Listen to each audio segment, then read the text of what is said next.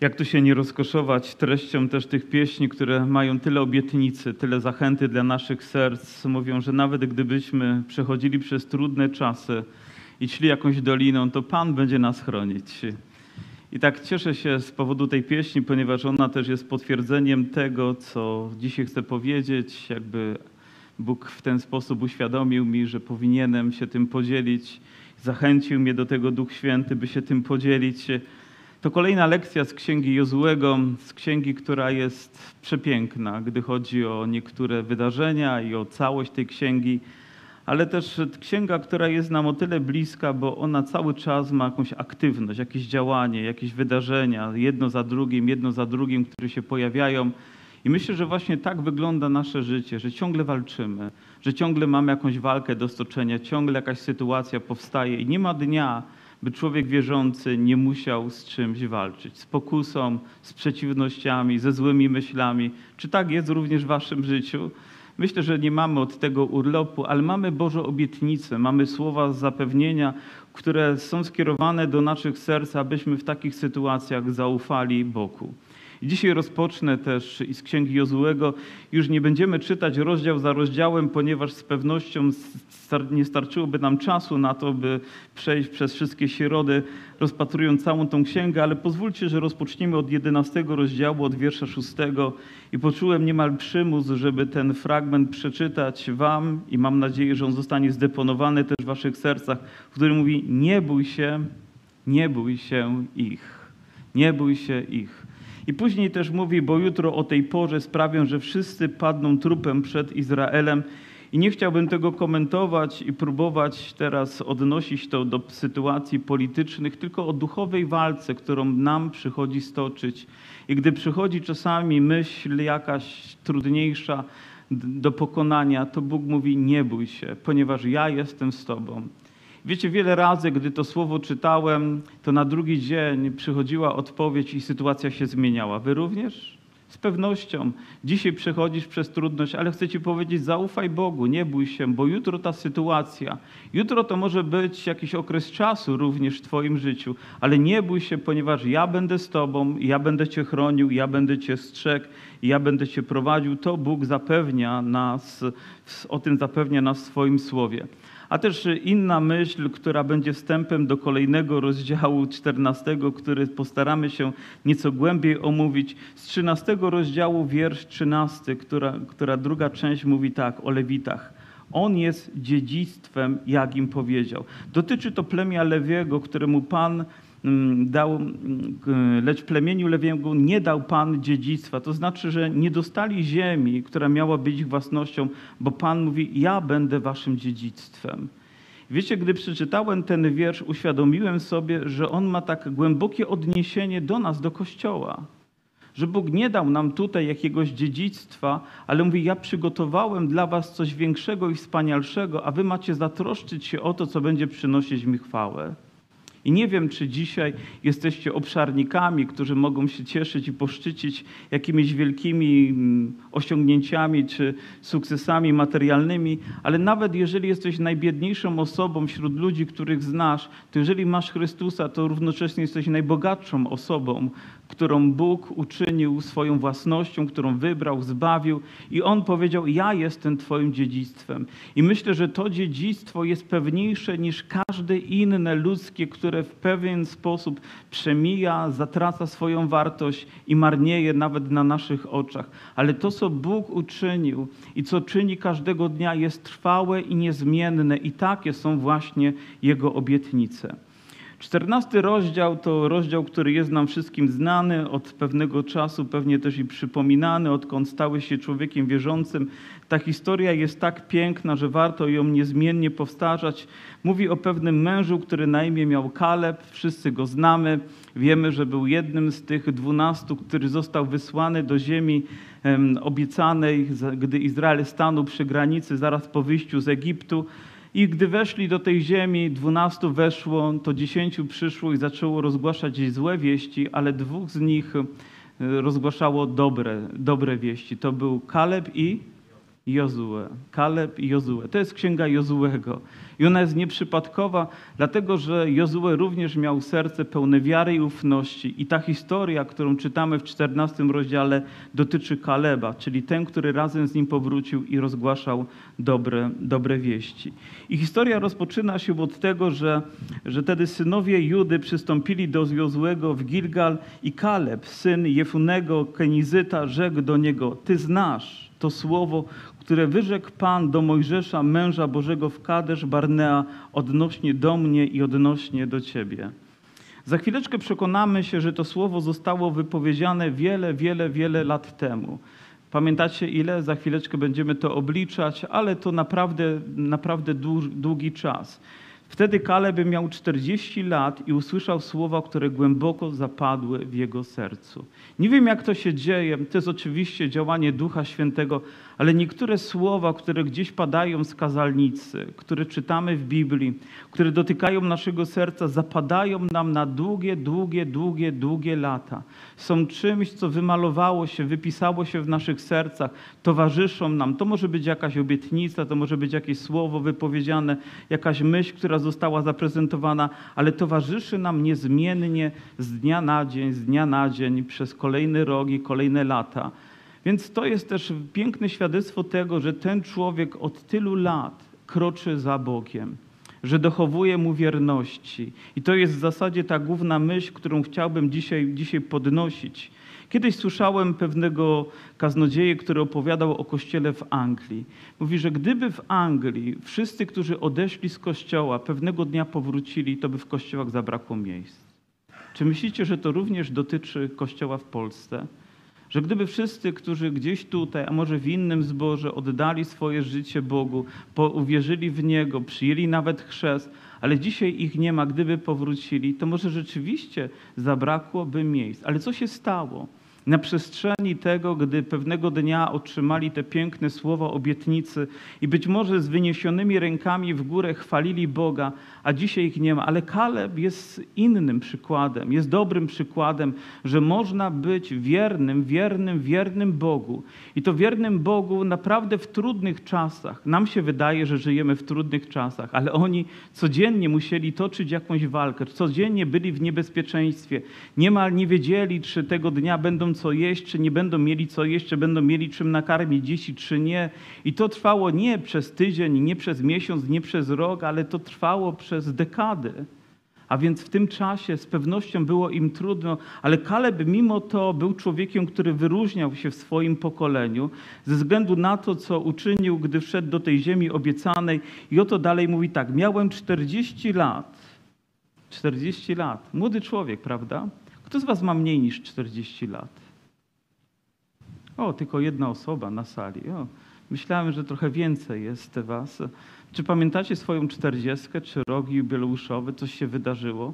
Ja, ja, ja, pamiętam, dlatego że tego, tego roku miałem okazję być w dwóch wyjątkowych miejscach. W maju byłem w Izraelu, a więc pięknie wspominam te wydarzenia, zapadło mi to miejsce do serca. A później gdzieś, gdy zbliżała się jesień, właśnie moje 40 urodziny obchodziłem w Stanach Zjednoczonych. Także zostałem zaproszony tam na kilka tygodni, podróżowaliśmy po zborach i zwiedzaliśmy. I wiecie, i wtedy też pamiętam, że spotkaliśmy pewnego człowieka pochodzenia rosyjskiego, wyemigrował do Stanów i mówił, że gdy przyjechał do Stanów wiele lat wcześniej, mówi wtedy, gdy z kimś się zawierało kontrakt, to wystarczyło tylko wyciągnąć rękę, podać mu i też było pewne. Po prostu tak i koniec. To, co postanowili, miało być wypełnione bez względu na to, czy poniesie zysk, czy, czy, czy przyniesie mu to stratę. To, to w każdym bądź razie miało być pewne. I on wtedy, gdy byłem tam z moją żoną, on opowiadał nam, jak byli na statku miłości. Nie wiem, czy kochanie pamiętasz. I opowiadał, jak to było pięknie. I widział, jak my cały czas, wtedy miałem 40 lat, pamiętajcie, moja żona no nie powiem. Ale w każdym razie byliśmy młodzi i piękni, trzymaliśmy się za ręce i cały czas trzymaliśmy się za ręce i płynąć takim statkiem miłości. Musicie popłynąć takim statkiem miłości. I powtarzał to chyba z 10 razy. Miałem 40 lat, zapamiętałem to. W zasadzie powiedział nam obietnicę, że niemal wyśle nas do tego, żebyśmy mogli popłynąć statkiem miłości. Upłynęło lat 15, nie wypełnił swojej obietnicy. Miałem 40 lat, zapamiętałem to. Nie wiem, czy tak bardzo chciałem tym statkiem popłynąć, czy tak mnie ten rejs jakoś tam rozgrzewał w sercu, ale zapamiętałem tę obietnicę, a ona się nie wypełniła. Wiecie dlaczego? Bo to było tylko jakaś, jakaś ludzka obietnica, jakaś mrzonka, która się pojawiła. Ale gdyby to Bóg wypowiedział, gdy miałem lat 40, to wierzę, że On by to wypełnił. Nie wiem, czy do tej pory, czy musiałbym jeszcze poczekać do 80, chociaż wtedy nie wiem, czy już bym chciał statkiem miłości płynąć, ale w każdym bądź razie wiem, że Bóg to, co obieca, ma moc wypełnić w przeciwieństwie do ludzi. Prawda, że tak? I on opowiada tak: Miałem 40 lat, gdy Mojżesz, sługa Pana, wysłał mnie do Kadesz Barnea, abym przeszpiegował tę ziemię i przyniosłem mu wieści według najlepszej wiedzy i sumienia. A więc to, jakie wieści rozgłaszamy, świadczy też o jakimi jesteśmy ludźmi. On powiedział: Najlepsze wieści według mojego sumienia, wprost mojego serca wylał przed ludem. Zastanawiam się, jakie wieści ja roznoszę powiem, jakim jestem posłańcem. Ktoś powiedział, i to słusznie, bo Biblia mówi, że z głębokości serca mówią usta. Więc oznacza to, że to, co wypowiadamy, ma pewne odzwierciedlenie też w naszym duchu, w naszym sercu, w naszym wnętrzu. I to, jakimi wiadomościami dzielimy się, może świadczyć też, jakimi jesteśmy ludźmi. Ja uważam, że nie powinniśmy ciągle tylko mówić, że jest źle, że jest źle, że jest źle, że jest źle, że jest źle. Jako ludzie wierzący powinniśmy powiedzieć tak, nawet jeżeli jest trudno, to wiemy, że Bóg przyjdzie i tą sytuację rozwiąże. Widzimy, że wyzwanie jest wielkie, ale nie na tą sytuację patrzymy, ale na Boga, który za tym stoi. On wiedział, że Bóg obiecał im tę ziemię i on poszedł, przeszpiegował ją, zobaczył, że jest piękna, urodzajna i przyszedł i powiedział to według swojego serca. Powiedział, że tam są niemożliwości, ale Bóg jest razem z nimi i On da im tę ziemię, bez względu na to, czy będzie staczać trzeba w bój, czy może nawet ponieść niebezpieczeństwo. Bóg ma moc o nich się zatroszczyć. Powiedz, jakie wieści Ty roznosisz, jakie wieści ja roznoszę, jakim jestem ambasadorem.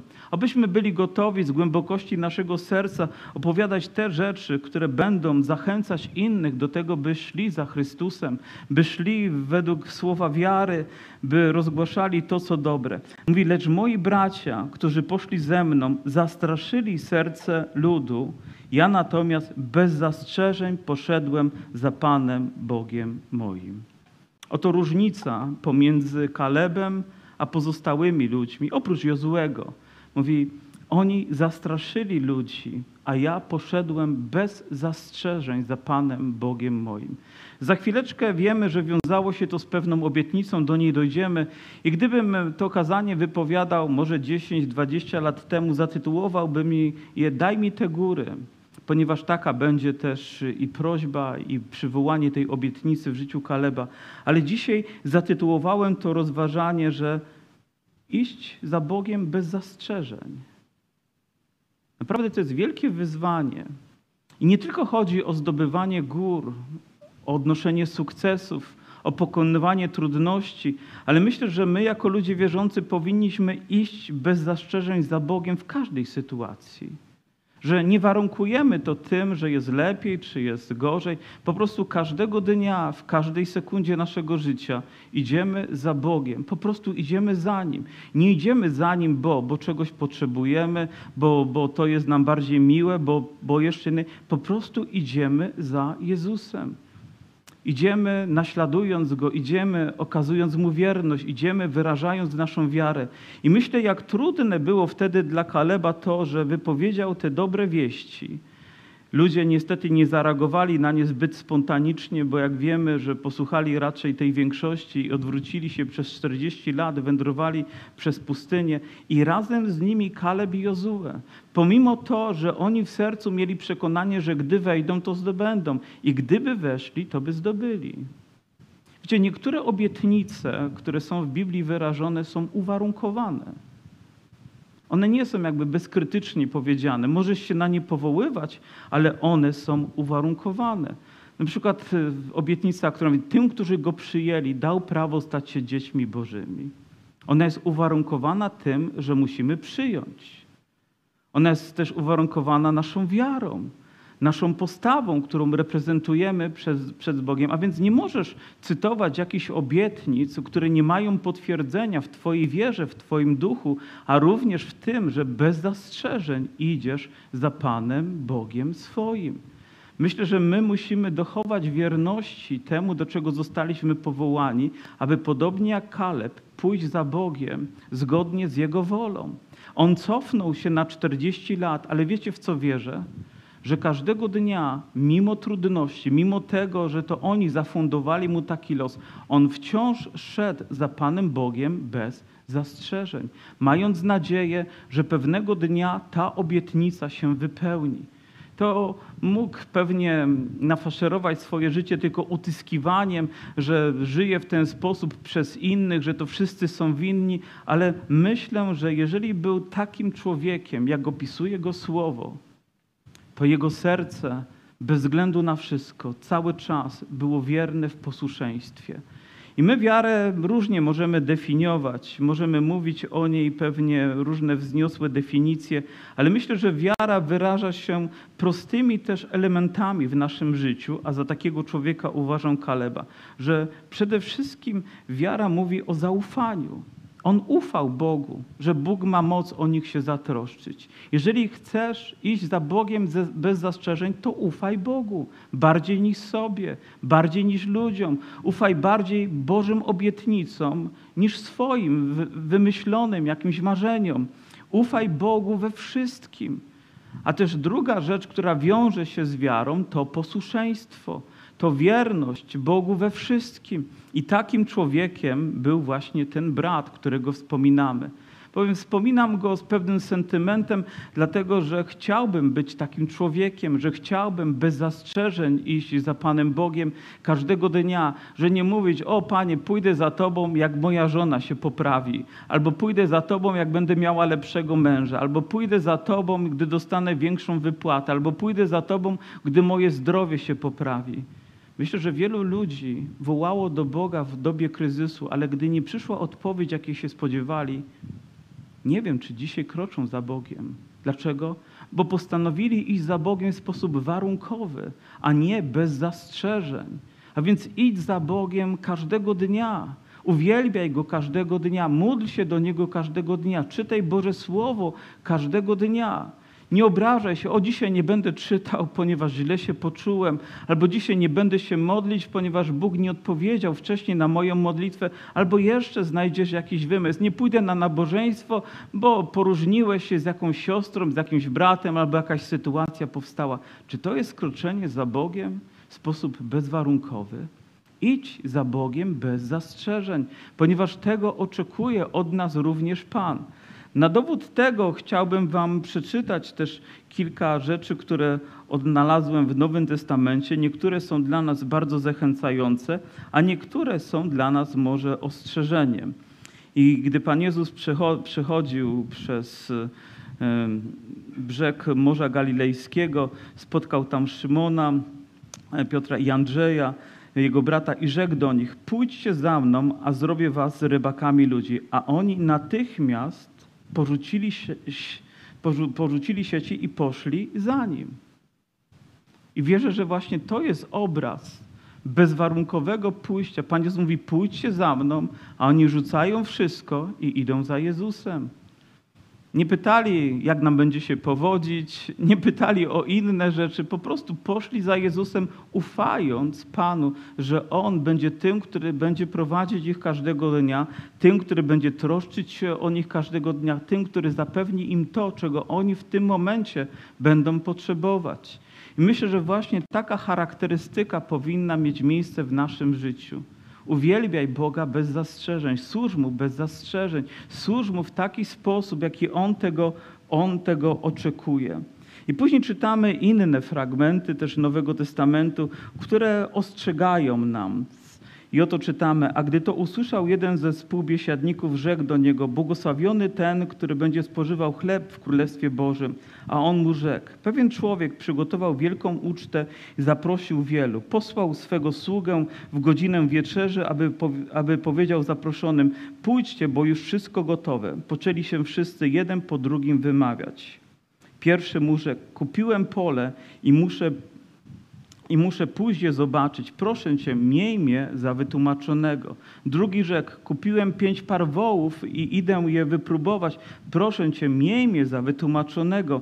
A inny rzekł, żonę pojąłem i dlatego nie mogę przyjść.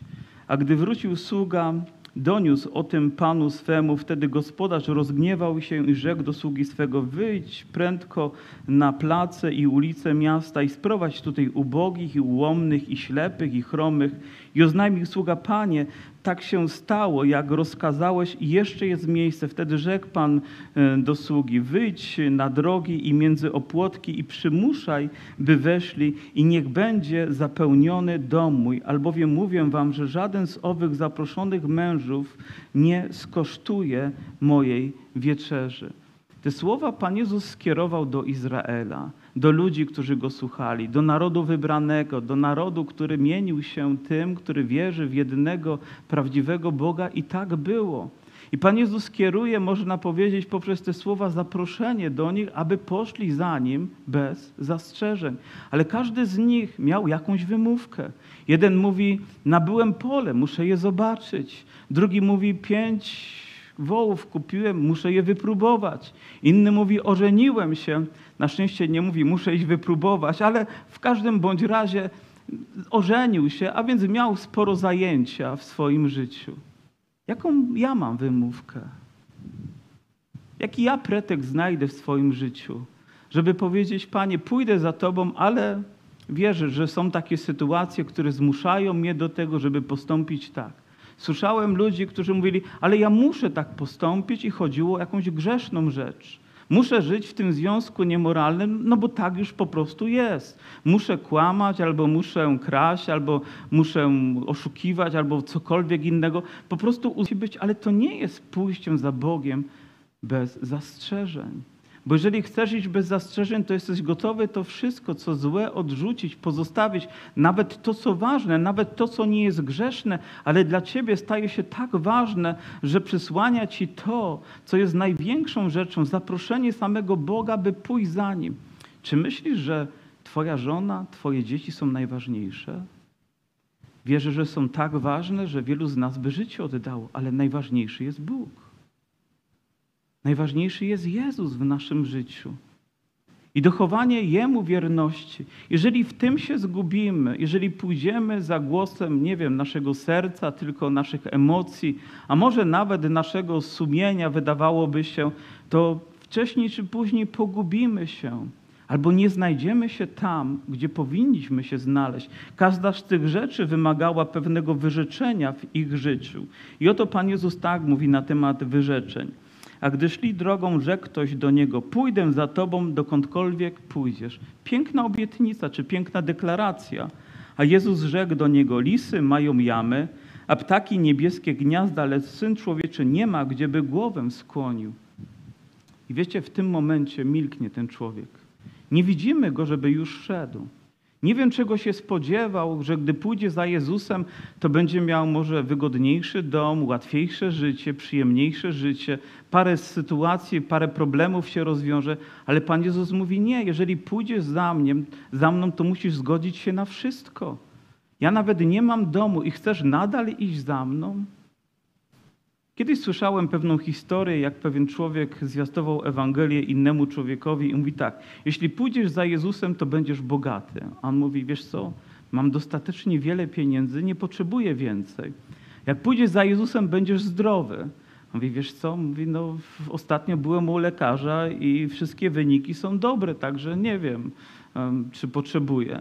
Mówi, jeżeli pójdziesz za Jezusem, to będziesz miał szczęśliwą rodzinę. A on mówi, ale mam dobrą żonę, mam dobre dzieci, także jestem szczęśliwy. Wiecie, wyglądało na to, że ten człowiek nie miał powodu, żeby pójść za Jezusem. Bo wszystko było uwarunkowane czymś. To nie była Ewangelia. Pan Jezus powiedział: Pójdź za mną. Zaufaj mi. Okaż mi wierność. Oto jest wyzwanie, które Bóg stawia przed nami. Ten człowiek był tak samo grzeszny jak wszyscy inni, potrzebował, by jego grzechy były przebaczone, ale tutaj nie znalazł odpowiedzi. Drugi rzekł, a do drugiego zaś rzekł, pójdź za mną, a ten rzekł, pozwól mi najpierw odejść i pogrzebać ojca mego. I odrzekł mu, niech umarli grzebią umarłych swoich, ty idź i głoś Królestwo Boże. Wiecie, gdy zawsze wracam do, do tego, co Pan Jezus powiedział w tym fragmencie, i to już nie tamten człowiek mówi, tylko Pan Jezus mówi do kogoś: pójdź za mną. A więc sytuacja może być taka, że ktoś deklaruje swoją wiarę, a może być tak, że kogoś Bóg wzywa do tego, żeby za nim poszedł. I myślę, że jedno i drugie jest dobre i ważne. Nieraz po prostu wychodzimy, po prostu mamy pragnienie iść za Bogiem, a nieraz Bóg w szczególny sposób wzywa nas przez swoje słowo, byśmy to zrobili, ale w jednym i drugim przypadku wierzę, że i tak działa słowo i wzywa nas do tego, ale tutaj wydaje się, że to jest wręcz niemoralne. Jak można człowiekowi zabronić pójść i pożegnać swojego ojca? Jak w taką sytuację można wkroczyć i rozdzielić człowieka od tej ważnej ceremonii w jego życiu? Czy myślicie, że Panu Jezusowi chodziło o to, żeby tego człowieka oddzielić od rodziny, żeby skłócić go z pozostałymi? Czy chodziło o to, żeby uczynił coś więcej w swoim życiu, żeby nie patrzył na innych? Może to był sprawdzian jego wiary, tak jak i, i tak jak i innych ludzi w Biblii, którzy po prostu stanęli, jak Abraham stanął w momencie, kiedy miał złożyć złożyć swojego syna. Wiecie, dlaczego Abraham był gotowy złożyć swojego syna? Dlaczego był gotowy zabić swojego jedynego potomka? Po pierwsze, Bóg tak chciał, a po drugie, on wierzył, że Bóg ma moc go wzbudzić z martwych. Ja wierzę, że Bóg ma moc dokonywać ponadnaturalnych dzieł w naszym życiu. Jeżeli On mówi, pójdź za mną, to nie powinniśmy się kierować sentymentami. Zawsze ktoś będzie wywierał na nas presję. I wielu ludzi nie idzie za Bogiem, ponieważ gdzieś w tle działa coś, co go ogranicza. Ale Kaleb takim człowiekiem nie był. Wierzę, że Abraham takim człowiekiem nie był. Widzimy, apostołowie nie byli takimi ludźmi. Jakim człowiekiem jestem ja? Jakie jest moje serce, jakie jest moje oddanie i poświęcenie w, w, w, w oddaniu czci mojemu Panu. Wierzę, że Bóg wzywa nas do tego, żebyśmy okazywali Mu po prostu, po prostu wierność. I oto czytamy dalej. I oto zgodnie ze słowem, które wypowiedział Pan do Mojżesza, Pan zachował mnie przy życiu przez te 45 lat, w czasie, w których Izrael wędrował po pustyni. I oto teraz mam lat 85. Nigdy nie jest za późno, by wypełniły się Boże obietnice w naszym życiu. Kiedyś słuchałem pewnej historii o pewnej kobiecie, która modliła się o swoje dziecko o swoją niezbawioną córkę, ile dobrze pamiętam. I rzeczywiście modliła się na każdym nabożeństwie: Panie, zbaw moje dziecko, Panie, zbaw moje dziecko. Ale nie widziałam jej zbawienia. I pewnego dnia ta siostra została odwołana do Pana, odeszła i była ceremonia pogrzebowa, zwyczajna. Było głoszone słowo, po prostu czysta Ewangelia, i była tam jej córka. I wiecie, że ona nawróciła się nad grobem matki? To jest prawdziwa historia. Ona nie została wymyślona na potrzeby tego kazania. Wierzę, że powinniśmy ufać Bogu i On przyjdzie ze swoją odpowiedzią w teraz, czy później, czy za rok, czy za lat 40, ale przyjdzie i odpowie. Tak jak zapowiedział nam, że On odchodzi i powróci. Wiecie, to może być jakiś odcinek czasu, dla nas dość długi. Nie wiemy dokładnie, kiedy to będzie, ale On odpowie na swoją obietnicę swoim przyjściem. My powinniśmy Go oczekiwać, a do tego dnia jedyną rzeczą, którą możemy robić, to po prostu iść za Chrystusem, iść zgodnie z naszą wiarą, bez zastrzeżeń, że nie idziemy za Bogiem, ponieważ tylko idziemy za Nim, bo On jest Bogiem, bo On jest naszym Panem. I On tego od nas oczekuje. I oto teraz mam lat 85 i jeszcze dziś jestem tak mocny, jak byłem w dniu, kiedy wysłał mnie Mojżesz. Jaka była wtedy moja siła, taka jest jeszcze teraz moja siła, bądź do bitwy, bądź do pochodu. Zastanawiam się, skąd ten człowiek czerpał siły. Jak myślicie? 85 lat i jeszcze jest gotowy iść i walczyć. Jeszcze jest pełen takiego męstwa w swoim sercu, że jego życie nie zgasło, ale jego życie rozkwitło. Kiedyś miałem okazję rozmawiać z pewnym bratem, e, który prowadził dom spokojnej starości dla ludzi wierzących. Było to w Ostrudzie. e, Paweł Wrubel był tam dyrektorem.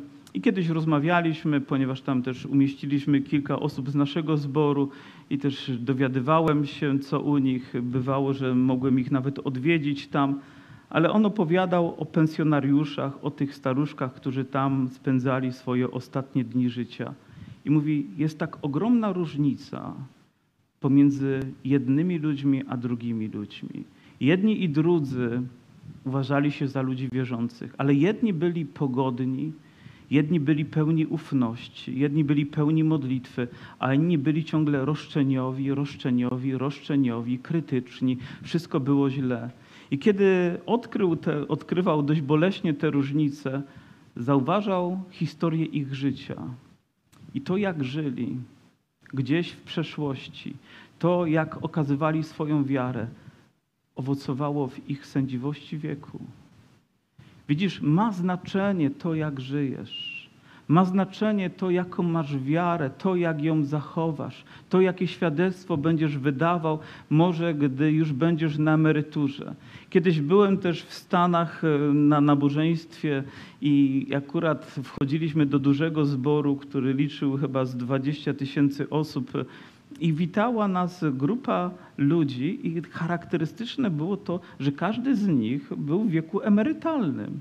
20 tysięcy ludzi, wydaje się mnóstwo młodzieży, ale to oni byli aktywni. Gdzie nie spojrzałem, to byli wolontariusze, którzy byli no, w wieku emerytalnym albo już na emeryturze no, po prostu cieszyli się raz, że emeryturą, wolnością, a z drugiej strony byli tak pełni poświęcenia, uśmiechnięci, pełni pogody ducha. Myślę sobie, Panie Boże, czy dałoby się to zaszczepić w Polsce? Żebyśmy nie tylko narzekali, byli takim moherowym społeczeństwem, ale nawet w takim wieku, żebyśmy dochowywali radości, wdzięczności, chwały dla siebie, żebyśmy mogli się cieszyć tym, co Bóg dla nas przygotował.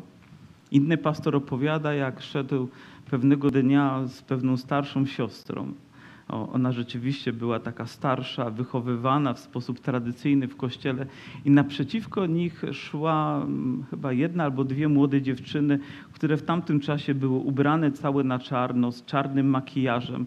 Wiecie, to jest taki, mm, taki specjalny styl bycia, bardzo charakterystyczny, bardzo ciemny. I myśli sobie, o nie, zaraz usłyszy od tej siostry jakieś słowa krytyki powie, co oni tutaj robią, dlaczego tutaj są. Ona spojrzała na niego i mówi, pastorze, czy to nie cudowne, że tacy ludzie przychodzą do nas do kościoła? Myślę, że znaczenie ma to, jak żyjemy, gdy idziemy za Panem Bogiem bez zastrzeżeń, ponieważ to będzie owocować również w sędziwości naszych dni. Nasze dzieci, nasze wnuki będą mogli oglądać ludzi, którzy wciąż są pełni wiary, którzy wciąż chcą służyć, chcą być gotowi do tego, żeby Pan posługiwał się nimi wielkiej mocy. A więc proszę, idź każdego dnia za Bogiem, tak jak szedł Kaleb. Nawet gdy trzeba było iść przez pustynię, nawet gdy trzeba było jeść tylko mannę. Myślę, że on nie był jednym z tych, którzy utyskiwali. On nie był jednym z tych, który kąsały węże. On był jednym z tych, który szedł wiernie za Bogiem. Nie mówię tylko o tym, co miał zdobyć, ale o tym, co przeżywał i do tego miejsca dzięki łasce Bożej mógł dojść. Daj mi więc teraz te góry, o których mówił Pan w tym dniu. Sam bowiem słyszałeś tego dnia, że są tam Anakici i wielkie warowne miasta. Może Pan będzie ze mną i wypędzę ich, jak powiedział Pan. Wiecie, niezrozumiałe dla mnie wydaje się jest to, że mówi, może Pan będzie ze mną. Ale on nie kwestionuje tego, tylko jest zdany na Boga. Mówi, Bóg jest po prostu we wszystkim. Jeżeli On zechce, tak będzie, a ja jestem gotowy. On dał obietnicę, a ja będę wierny w wypełnianiu tej obietnicy. Ja wierzę, że Bóg jest razem z nami. Bardziej mówi, daj mi te góry. I myślę, że charakterystyczne dla człowieka wierzącego jest to, że nie powinien osiadać na tym, co ma, tylko chcieć więcej. I to nie jest egoizm, tylko to jest pragnienie, żeby Bóg miał więcej chwały, żeby Bóg był bardziej uwielbiony, żeby Bóg więcej mógł działać w naszym życiu. Dochodzimy do jakiegoś momentu i zaczyna nam coś wystarczać. I wiecie, że znam nawet bliskie mi społeczności, które doszły do pewnego miejsca, zatrzymały się i są w tym samym miejscu. Widziałem czas, gdy rozkwitały, gdy wykonywały wielkie, wspaniałe dzieła, a dzisiaj są w tym miejscu. Czy myślicie, że to, że już mamy tę kaplicę, ona powinna nas ograniczać? A może powinniśmy modlić się o góry? Może to, że mamy lat 70 jako zbór, to dopiero miejsce, w którym powinno się rozpocząć to, co najlepsze dla nas. I to powinno być charakterystyczne też i dla naszych serc. Ale to, czego Bóg oczekuje dzisiaj, to bądź mu wierny. I zachęcam Cię do wytrwałej wiary, a zobaczysz owoc, o którym może nawet jeszcze nie śniłeś. Zobaczysz, jak będą wypełniały się Boże obietnice. Bądź wierny. Nie uwarunkowuj tego tym, że ktoś inny będzie miał na to wpływ. Ty bądź wierny. Bądź wierny w swoim domu, bądź wierny w swojej pracy, bądź wierny w swoim codziennym powołaniu. Idź za Bogiem. Nie uwarunkuj tego, że ktoś ci coś da, to ty również dasz, ale idź za Bogiem, wykonuj dzieła, do których jesteś powołany. Czyż nie pięknie byłoby, że w domu robimy coś nie dlatego, że oczekujemy za to zapłaty, o, my mężczyźni jesteśmy mistrzami w tym, żeby otrzymywać zapłatę, ale dlatego, że chcemy być wierni w naszym małżeństwie, w naszej rodzinie, kochać się, szanować, okazywać sobie te proste gesty, ponieważ do tego jesteśmy powołani. A o, jak ona mnie, to tak jak jej. Jak Kuba Bogu, tak Bóg Kubie, prawda? To nie tak działa. Bóg mówi bez zastrzeżeń. Jozue błogosławił wtedy Kaleba, syna Jefunego i dał mu Hebron jako dziedzictwo. Jozue błogosławił Kaleba, dając mu to, co było jego dziedzictwem obiecanym wcześniej, to, co teraz mogło się wypełniać na jego oczach. I dzisiaj czytając też po raz kolejny to słowo, myślę sobie, jakim ja błogosławieństwem jestem dla innych. Jak bardzo jestem gotowy ich błogosławić. Jak bardzo jestem gotowy nie tylko wyciągnąć rękę, powiedzieć, niech Cię Pan błogosławi, ale może dać im coś, czego oni nawet się nie spodziewają, coś, co może być tak wielkie, że może być tylko podziwem dla Boga, coś, co dotknie mojego, mojego dziecka, czy mojego przyjaciela, moją siostrę, mojego brata i sprawi, że naprawdę tutaj wielka chwała powstanie dla Jego imienia. Jozue błogosławił Kaleba. Hebron dlatego stało się dziedzictwem Kaleba, syna Jefunego Kenizyty i jest nim do dnia dzisiejszego, ponieważ bez zastrzeżeń poszedł za Panem Bogiem Izraela. Trzy razy w przeciągu 14 rozdziału to słowo pojawia się. Najpierw wypowiada je Kaleb, przypominając Jozuemu. Później powołuje się na to, co Mojżesz powiedział, obiecując mu tę ziemię. A teraz widzimy nieco inną narrację. Autor Księgi Jozłego mówi, bo bez zastrzeżeń poszedł za Bogiem. Trzy razy to samo słowo, a więc wydaje mi się, jak ogromne ono musi mieć znaczenie, nie tylko dla Kaleba wtedy, ale dla nas dzisiaj, aby iść zastrzeżeń.